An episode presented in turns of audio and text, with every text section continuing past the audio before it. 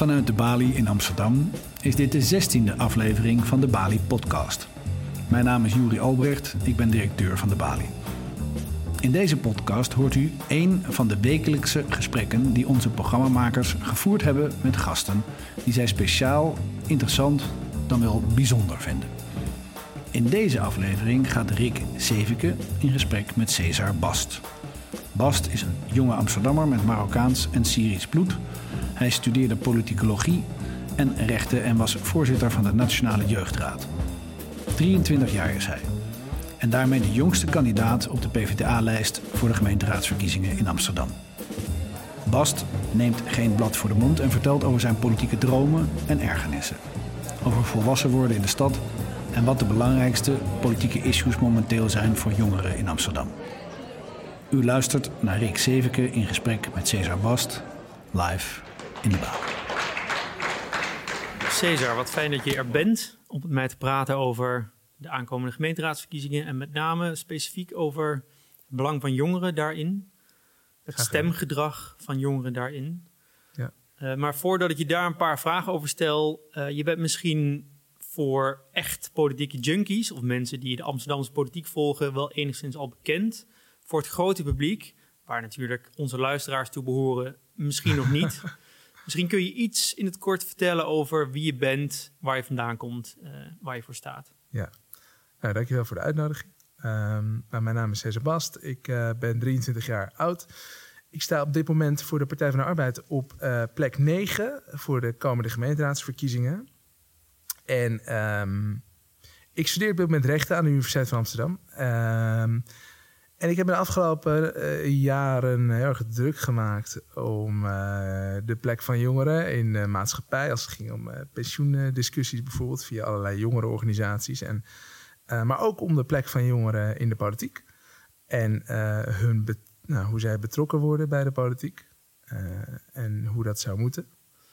Uh, dus het jongerenbelang gaat me heel erg aan het hart. Daar heb ik zo nog wel wat vragen over. Ja. Maar eerst misschien nog over jouzelf. Kom je, ben je geboren in Amsterdam? Ik ben geboren en getogen in Amsterdam. In Amsterdam-West. In Amsterdam-West? Ja. En hoe was dat om op te groeien in Amsterdam-West? Dat was een hele prettige ervaring. Ik heb daar volgens mij tot mijn achtste... heb ik in, uh, aan, de, aan de Admiraal de Ruiterweg... een klein zijstraatje gewoond de Van Gentstraat. Mm -hmm. Ik zat daar aan een, uh, aan een basisschool, een gemengde basisschool. De Boomgaard heet dat. Dat staat er volgens mij nog steeds. Uh, en dat was een hele, hele interessante, leuke ervaring. Ik heb daar volgens mij echt uh, heel goed... Ja, het was, echt, het was een hele leuke tijd. Gelukkige jeugd. Gelukkige jeugd. Toen ben ik verhuisd. Zijn we verhuisd met de familie. omdat er een sociale huurwoning was beschikbaar aan de Marnixstraat. In Centrum. Ja. Toen verhuisde ik daarheen en toen moest ik ook een nieuwe basisschool hebben. Dat was een witte school, een witte Rooms-Katholieke basisschool. Dat was een hele andere voortzetting van, uh, van mijn jeugd. Waarom? Nou, omdat ik daar niet heel erg thuis was. Uh, ik was een van de enige drie, vier jongetjes en meisjes die een ander kleurtje hadden. Een ander tintje, andere afkomst. Nou ja, we waren echt met, met Abdel en Noordin uh, en daarna Nora, dat weet ik nog heel goed. Waren we een beetje de pioniers van, de, van de diversifiering van, van de Aloysius school aan de Westerstraat. Mm -hmm. Maar dat ging echt gepaard met heel veel, ja, heel veel gedoe. Veel gepest. Wat voor, wat voor gedoe? Okay. Nou, slechte... Kijk, je houdt daar aan dat soort ervaringen, hou je niet zo... Ja, je was toch een beetje anders, dus dan word je ook anders, anders behandeld. Ik, uh, um, hele ernstige anekdote, maar die in me wel nog echt uh, bijstaat als de dag van gisteren. Is dat ik bijvoorbeeld een keertje met mijn moeder toen, ik was negen of tien jaar volgens mij, en dan stonden we op, de, um, op het pleintje, het schoolpleintje. En mijn moeder die kwam me altijd ophalen. Ik was echt nog heel jong. En dan gingen we ergens in een speeltentje. Het was, was, mooi weer. Dan gingen we een broodje eten en een beetje spelen. Dan gingen we dan terug naar school. En uh, wij stonden wat te zeggen. Mijn moeder sprak en spreekt nog steeds niet heel goed Nederlands. Dus het gaat soms gepaard met, met een beetje Arabisch. En, en, en, toen werd ik echt door een klasgenootje die liep langs. Echt uitgescholden omdat ik Arabische taal sprak. Echt? Ja, dat is echt... dat zeg ik, het staat me nog bij als de dag van gisteren. Omdat het gewoon heel veel indruk op mij heeft gemaakt. Hoe ging je daarmee om? Ja, heel slecht. Heel slecht. Ik heb eh, de afgelopen jaren eh, ook heel erg eh, me laten horen eh, voor meer diversiteit op de, hier in Amsterdam op basisonderwijs en middelbare scholen. Maar dat komt heel erg, eh, weet je, opiniestukken schrijven en zo, dat is leuk. Eh, maar dat komt natuurlijk ergens vandaan. Hè? Dit- is, dit zijn ervaringen. Ik heb een heel, heel vervelende tijd gehad eh, totdat ik naar de middelbare school kon. Die trouwens een paar honderd meter verder was. Echt net over de brug. Maar dat was een totaal andere sfeer. Ik voelde me daar heel erg... het was een beetje zoals het met de boomgaard was. Je was gewoon one of them. Want iedereen was anders. Een gemengde school. Een gemengde school, ja. Ja. Ja, in West. Dus jouw laatste jaren op de basisschool, Ja, dat was na een- de switch, ja.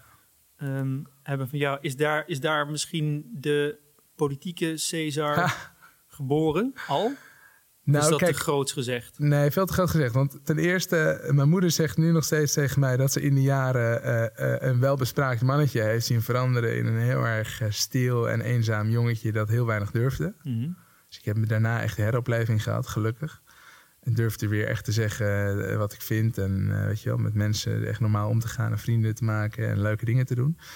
Eh, maar misschien enigszins wel, omdat ik dus daar mijn eerste, eerste werkstuk, of sorry, eerste spreekbeurt he- heb voorbereid. En dat ging toen, het zal iets te maken hebben met de succes van de partij in die tijden, maar het ging over het CDA.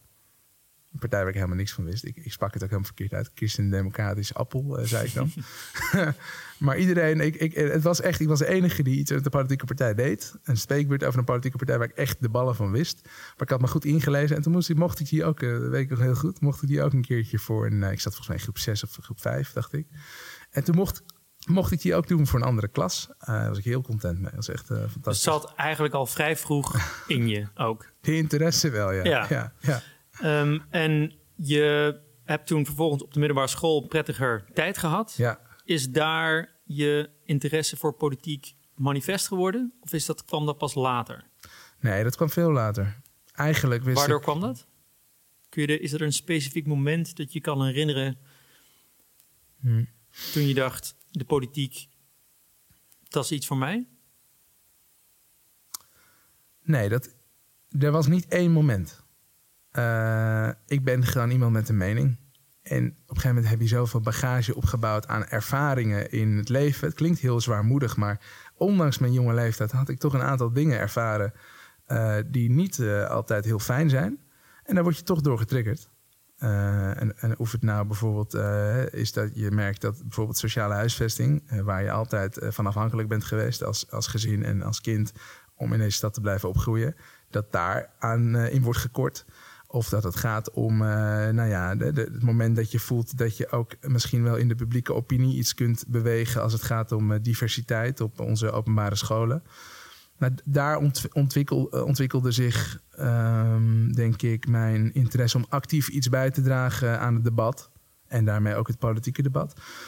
Maar ehm, het, hoe ik echt zeg maar, lid ben geworden van de Partij van de Arbeid, dat is echt op een hele klunzige manier gegaan. Hoe dan? Ik ben gewoon een keertje toen ik op de universiteit zat, eh, eerste jaar politicologie, meegenomen aan de hand door een, eh, een studiegenootje van mij. Die zei: Ik ben lid van eh, de jongeren van de Partij van de Arbeid. Wist ik echt helemaal niks van. Ik wist niet dat er jonge organisaties bestonden waar je blijkbaar dus vanaf je veertiende al lid van kon zijn.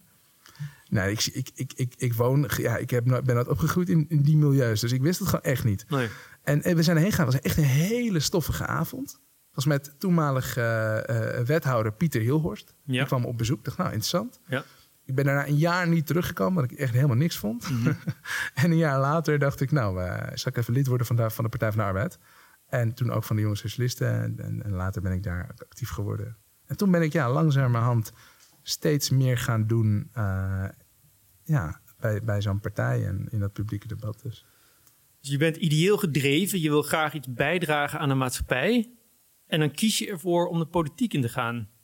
Als ik lees wat jongeren interesseert Ja. eh, momenteel, ehm, jongeren dan, misschien kunnen we dat definiëren als 18 tot 25-jarigen, eh, stemgerechtigde jongeren, lees ik dat vele van hen inderdaad ook ideeel gedreven zijn, maar dat ze weinig heil zien in verandering van de maatschappij of van de wereld door middel van de politiek. Ja. Waarom heb jij wel voor de politiek gekozen? Om bij te dragen of om een Ja. positieve verandering teweeg te brengen aan de maatschappij. Ja, misschien ook. eh, nou ja, kijk, laten we wel zijn, politieke partijen eh, die vormen nog steeds het centrum van de macht. Want dat zijn de partijen die vertegenwoordigd zijn, op dit moment feitelijk gezien wel. Feitelijke macht, hè, als je kijkt naar eh, vertegenwoordigingen, volksvertegenwoordigingen, of het nou op lokaal niveau is of, of op landelijk niveau, dan zijn het de politieke partijen die daar vertegenwoordigd zijn. Dus als je iets letterlijk, eh, zeg maar, eh, als je iets feitelijk wil veranderen, echt dat praktisch, Formeel, echt formeel inderdaad, dan moet je daar zitten. Maar als je de wereld wil veranderen, moet je toch bij eh, maar het kan- Google en- werken, bij wijze van spreken. Nou, ik Heb je toch weet- veel meer macht? Ik weet niet of je, of je, of je alleen bij Google. eh, eh, Ik die- noem je Google, Ja, maar ik zeg- bij, je kan toch veel beter bij een duurzaam of sociaal het duurzaam bedrijf eens. werken. Ik ben het met je eens dat je bij heel veel maatschappelijke organisaties veel meer, zeg maar, de, de, de, de onderstroom kunt bewegen. Je kunt veel meer mensen overtuigen. Je kunt volgens mij in de maatschappij meer teweeg brengen dan tegenwoordig een politieke partij. Momenteel. Nou, maar ik denk dat je dus als je een plek zit eh, waar je feitelijk, eh, formeel zeg je, eh, iets kunt teweegbrengen, iets kunt veranderen in het centrum van de macht, dan kun, kan dat en-en zijn. Je kunt en onderdeel zijn van bewegingen en je best doen om in de maatschappij iets teweeg te brengen.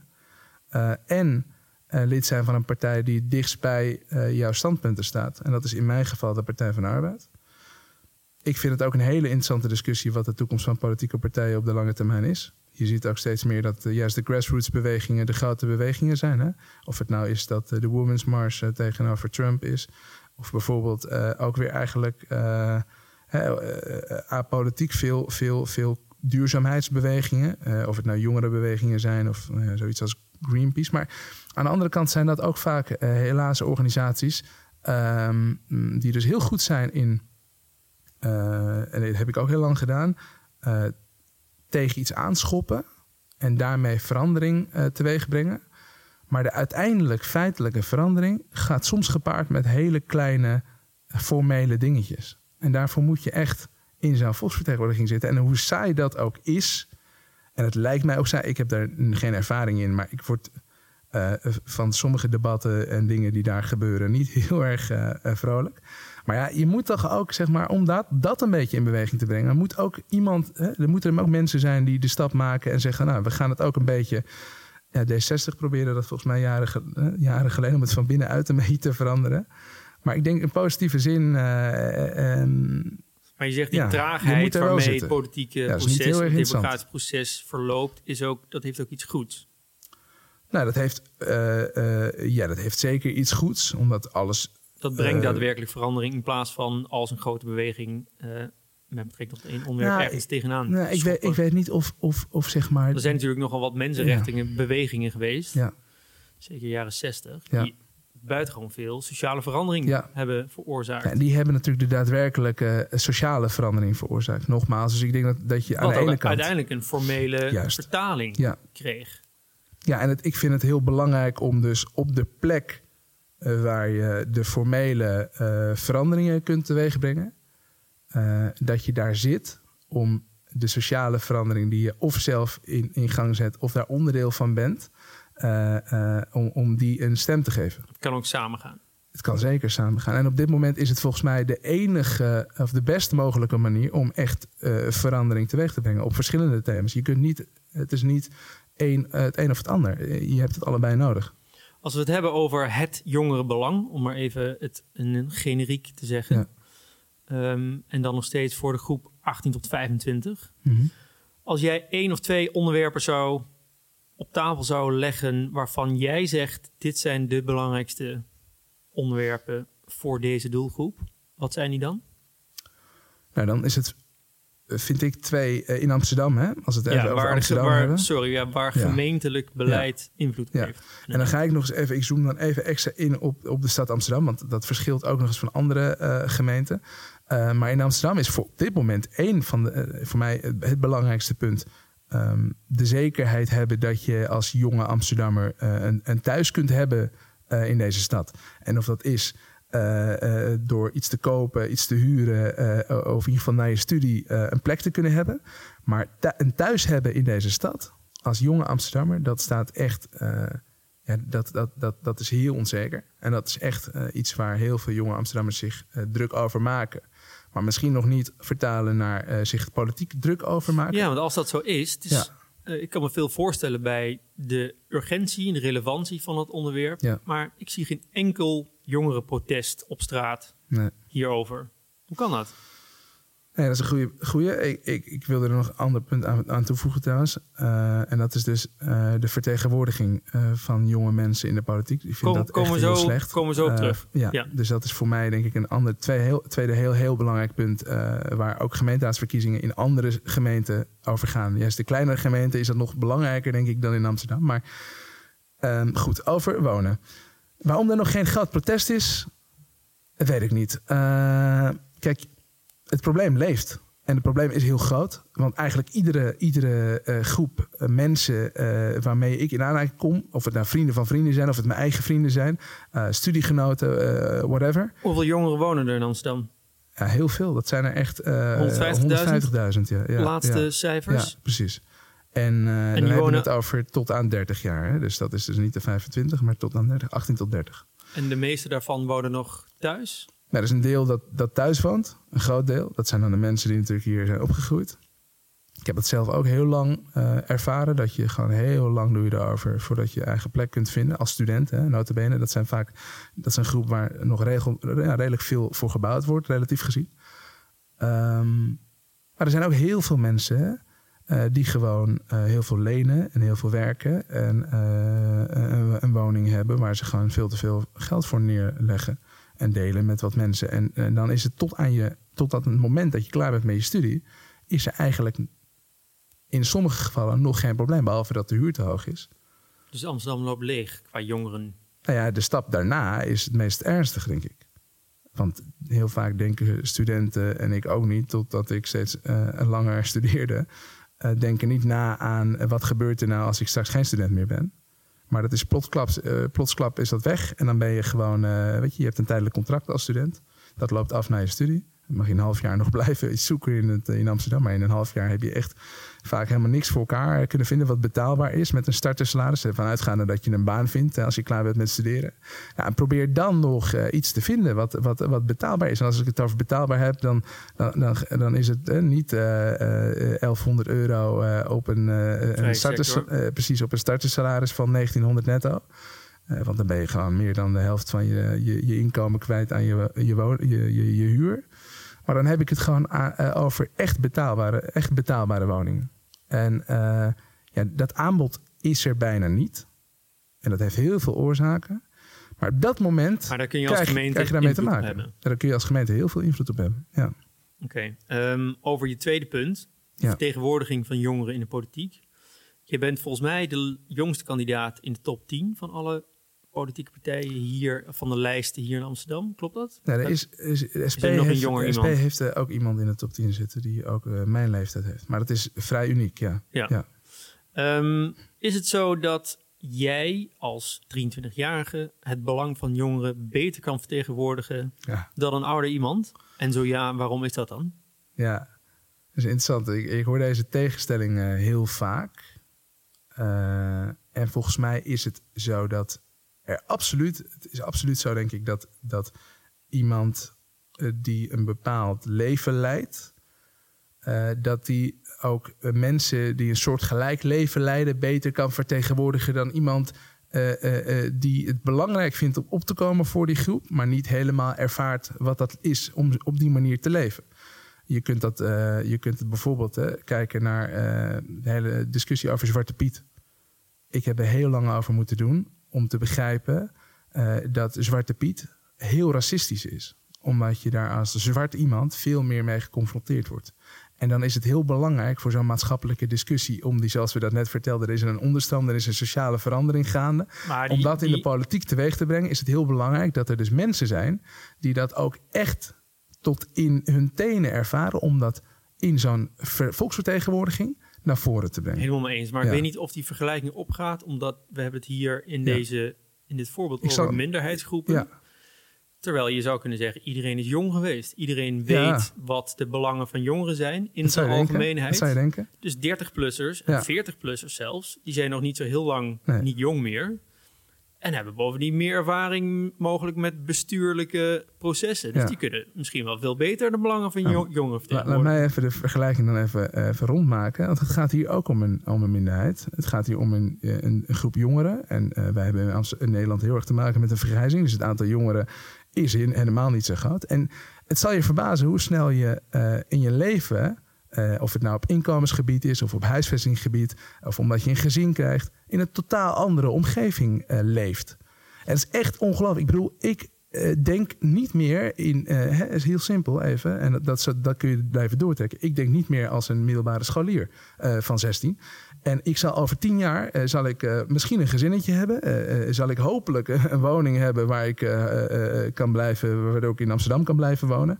En dan heb ik een heel ander inkomen. Hele andere kosten. En dan ervaar je niet... eh, eh, bijvoorbeeld op de woningmarkt, hetzelfde probleem eh, vraag en aanbod als nu jonge mensen, of ze nou student zijn of starter, ervaren op dit moment. En als je nu in die shit zit en echt ervaart wat het is om constant te moeten zoeken naar een betaalbare woning en de hele stad over te moeten reizen als een stadsnomade, eh, dan weet je hoe belangrijk het is om op dat moment in zo'n volksvertegenwoordiging dit punt te uiten. En dat is echt anders dan als je daar tien jaar, al ben je echt vijf jaar ouder dan het moment, maar ben je wel gesetteld en heb je een, een ander inkomen, dan is je leven gewoon heel anders. Het verschaft je legitimiteit. Nou, nee, het, is, het, het, het biedt je ook meer inbeeldingsvermogen. Ja. Je bent onderdeel van de groep die in de shit zit. Je weet niet alles van de problemen, maar je leeft de problemen. En volgens mij is dat heel belangrijk. Dat is echt heel belangrijk. En dat is, dat is, dat is de parallel- parallel die ik net probeerde te trekken. Je moet iets ook kunnen leven, volgens mij, om daar een goede vertegenwoordiging voor te kunnen zijn. En daar eh, goed nou ja, op, oplossingen voor problemen te kunnen bepleiten. En daarom denk ik dat het heel belangrijk is eh, eh, dat, dat ook op leeftijdsgebied eh, diversiteit wordt nagestreefd in volksvertegenwoordigingen. Dat is vaak, ja, dat is, dat is echt, dat, dat valt nog wel eh, reuze tegen. Waarom staan er dan niet meer jongere kandidaten in de, op de lijst? Ja, ja, omdat je net schets je het recht eh, hoe ontzettend saai politiek kan zijn, hoe weinig je daar kunt veranderen in een hele lange periode. Maar ik schetste weer hoe belangrijk het is dat daar mensen wel zitten, omdat het daar is waar de formele verandering wordt doorgevoerd. En geloof me, ik word er ook niet altijd blij van. eh, de omgeving waar ik me nu, eh, i- i- i- i- ja, waar ik me nu in omgeef, waar ik, me, waar ik nu eh, in bezig ben. En het is niet omdat de Partij van de Arbeid geen leuke partij is. Krijg je wel de ruimte om absoluut, dingen te doen zoals je ze Ja. wil doen? Ja, ik ben er heel blij mee. Ik, ik krijg echt heel veel ruimte om dingen te doen zoals ik die zie. En, en ik ben ook iemand die als, als ik die ruimte niet krijg, dan, eh, ja, dan ga ik me ook heel erg eh, ja, niet op mijn gemak voelen. En dan ben ik ook niet, dan kan ik niet doen wat ik, wat ik, wat ik eigenlijk zou willen. En, en, en, en eh, ik, ja, ik ben iemand die graag zeg maar de, de barricade opgaat en, en, en zoveel mogelijk ja, dingen wil veranderen. En, maar die mogelijkheid is er wel, hè. Maar ik heb het nu even over de democratie, over de politiek aan zich. Dat is gewoon, nou, dat is gewoon een heel log systeem. En daar moet je heel veel geduld voor hebben. En je moet daar volgens mij ook eh, maar je proberen in te vechten. Als ik nu een debat heb met mensen die zich al lang en breed bewezen hebben in de politiek, maar wel een debat voer omdat ik punten wil, eh, naar voren wil brengen die belangrijk zijn, of het nou sociale huisvesting is of eh, weet ik veel, diversiteit op scholen. Hè? Dan zit je zelf met een aantal lijsttrekkers of eh, wethouders of mensen die zich al echt al lang eh, hebben, hebben bewezen in de politiek. En dan is het echt nog best lastig om je in dat wereldje van kemphanen en mannetjes en, en, en mensen die toch allemaal weten. Is en- dat wat dat ver- lastig maakt? Ja, De dat maakt het, ego's, maakt het de- echt best lastig. Het is niet, gewoon, niet toegankelijk. Het is echt niet toegankelijk en het is niet snel. En, en, en eh, als je op een bepaalde manier gewoon eh, divers wil zijn en inclusief, dan is het belangrijk om toegankelijk te zijn. Nou, dat is de po- gemeentepolitiek, zeker in Amsterdam, vind ik nog te weinig. Eh, en de politiek aan zich is niet snel. En eh, dat is misschien wat, ik, wat we net zeiden ook. Hè? Het is misschien ook wel de kracht van de politiek dat die overdenkend is en veel eh, rapporten eh, onder ogen neemt. Want je beslist daarmee wel iets fundamenteels. Hè? Soms kan het zo de kleinste motie zijn die veel verandert. Maar dat maakt het ook heel erg ja, niet sexy om daarvoor te kiezen. dat gebrek aan toegankelijkheid en misschien dus ook de. ja, het eh, gebrek aan traagheid in de politiek maakt misschien dat jongeren eh, minder geïnteresseerd zijn erin. Ik heb nog twee vragen voor je. Neem je jongeren En misschien het feit dat dit de minst stemmende groep is, blijkt uit uh, voorgaande verkiezingen. Ja. Nemen jongeren zelf iets kwalijk? Ondermijnen ze ook niet het democratisch proces? Een soort gebrek aan besef van algemeen belang? Nee. Nee, ik vind. Ik neem het de jongeren zelf niet kwalijk, omdat ik vind. Uh, ik vind het wel jammer. Ik ben vooral teleurgesteld. Uh, maar ik denk dat het de oplossing niet, zeker ook ligt bij jongeren, maar je moet dat ook onderwijzen. Ik denk dat er een heel groot probleem zit in, uh, in burgerschapsonderwijs. Dat vind ik echt een probleem, zeker op MBO-scholen. En, en het zijn helaas ook uh, vaak onder MBO-studenten is de opkomst nog lager dan onder HBO of universiteitsstudenten op de universiteit. Dat is echt een probleem. Burgerschap, maatschappijleer, dat moet echt een stuk frisser, een stuk leuker, ook een beter. Maar ik denk dat politieke partijen ook meer een handreiking mogen doen uh, naar zo'n groep die uh, minderheid vormt. En, en, en misschien niet interessant is, want in tegenstelling tot andere groepen kun je minder electorale winst halen bij een groep die toch al niet van plan is om te gaan stemmen. En zo wordt het, wel eens, wordt het wel eens weggezet in de politiek. Maar dan moet je juist je hand uitsteken. Dan moet je juist uh, je best doen om die mensen ook te proberen te vertegenwoordigen. En ook hun belangen te scharen in hetgeen wat je wil veranderen in de samenleving. Dus je zal heel blij zijn met de komst van nieuwkomers uh, bij één denk en zeker vorm voor democratie. Ja. Want die weten wel heel veel jongeren te activeren. Ja, ik vind alle groepen, uh, of alle partijen, die groepen die politiek inactief zijn weten te bewegen, vind ik een toevoeging uh, uh, voor onze democratie. absoluut. Als ze binnen de lijntjes van de democratische rechtsstaat blijven, blijven natuurlijk. Maar ik kan, niet laten, ik kan het niet laten om te zeggen dat ik nee, met Forum voor Democratie bijvoorbeeld nooit eens zal zijn vanwege eigenlijk ze vertegenwoordigen misschien nu omdat ze interessant zijn voor jongeren, een groep jongeren. Uh, maar er zitten heel veel xenofoben en tegen racistische aan uitspraken. En daar ben ik helemaal geen voorstander van. Dus is een stem van een jongere op Forum voor Democratie beter dan geen stem van een jongere? Ja, absoluut. Laatste vraag is, kom je... Maar een stem op uh, de Partij van de Arbeid is natuurlijk altijd beter. Helder. Kom je in de gemeenteraad na 21 maart? Ja, dat is wel de inzet. Uh, ik sta op maar, 9. kom je erin? Ja, ik kom in gaan we zien. Dank voor dit gesprek, Cesar. Gedaan.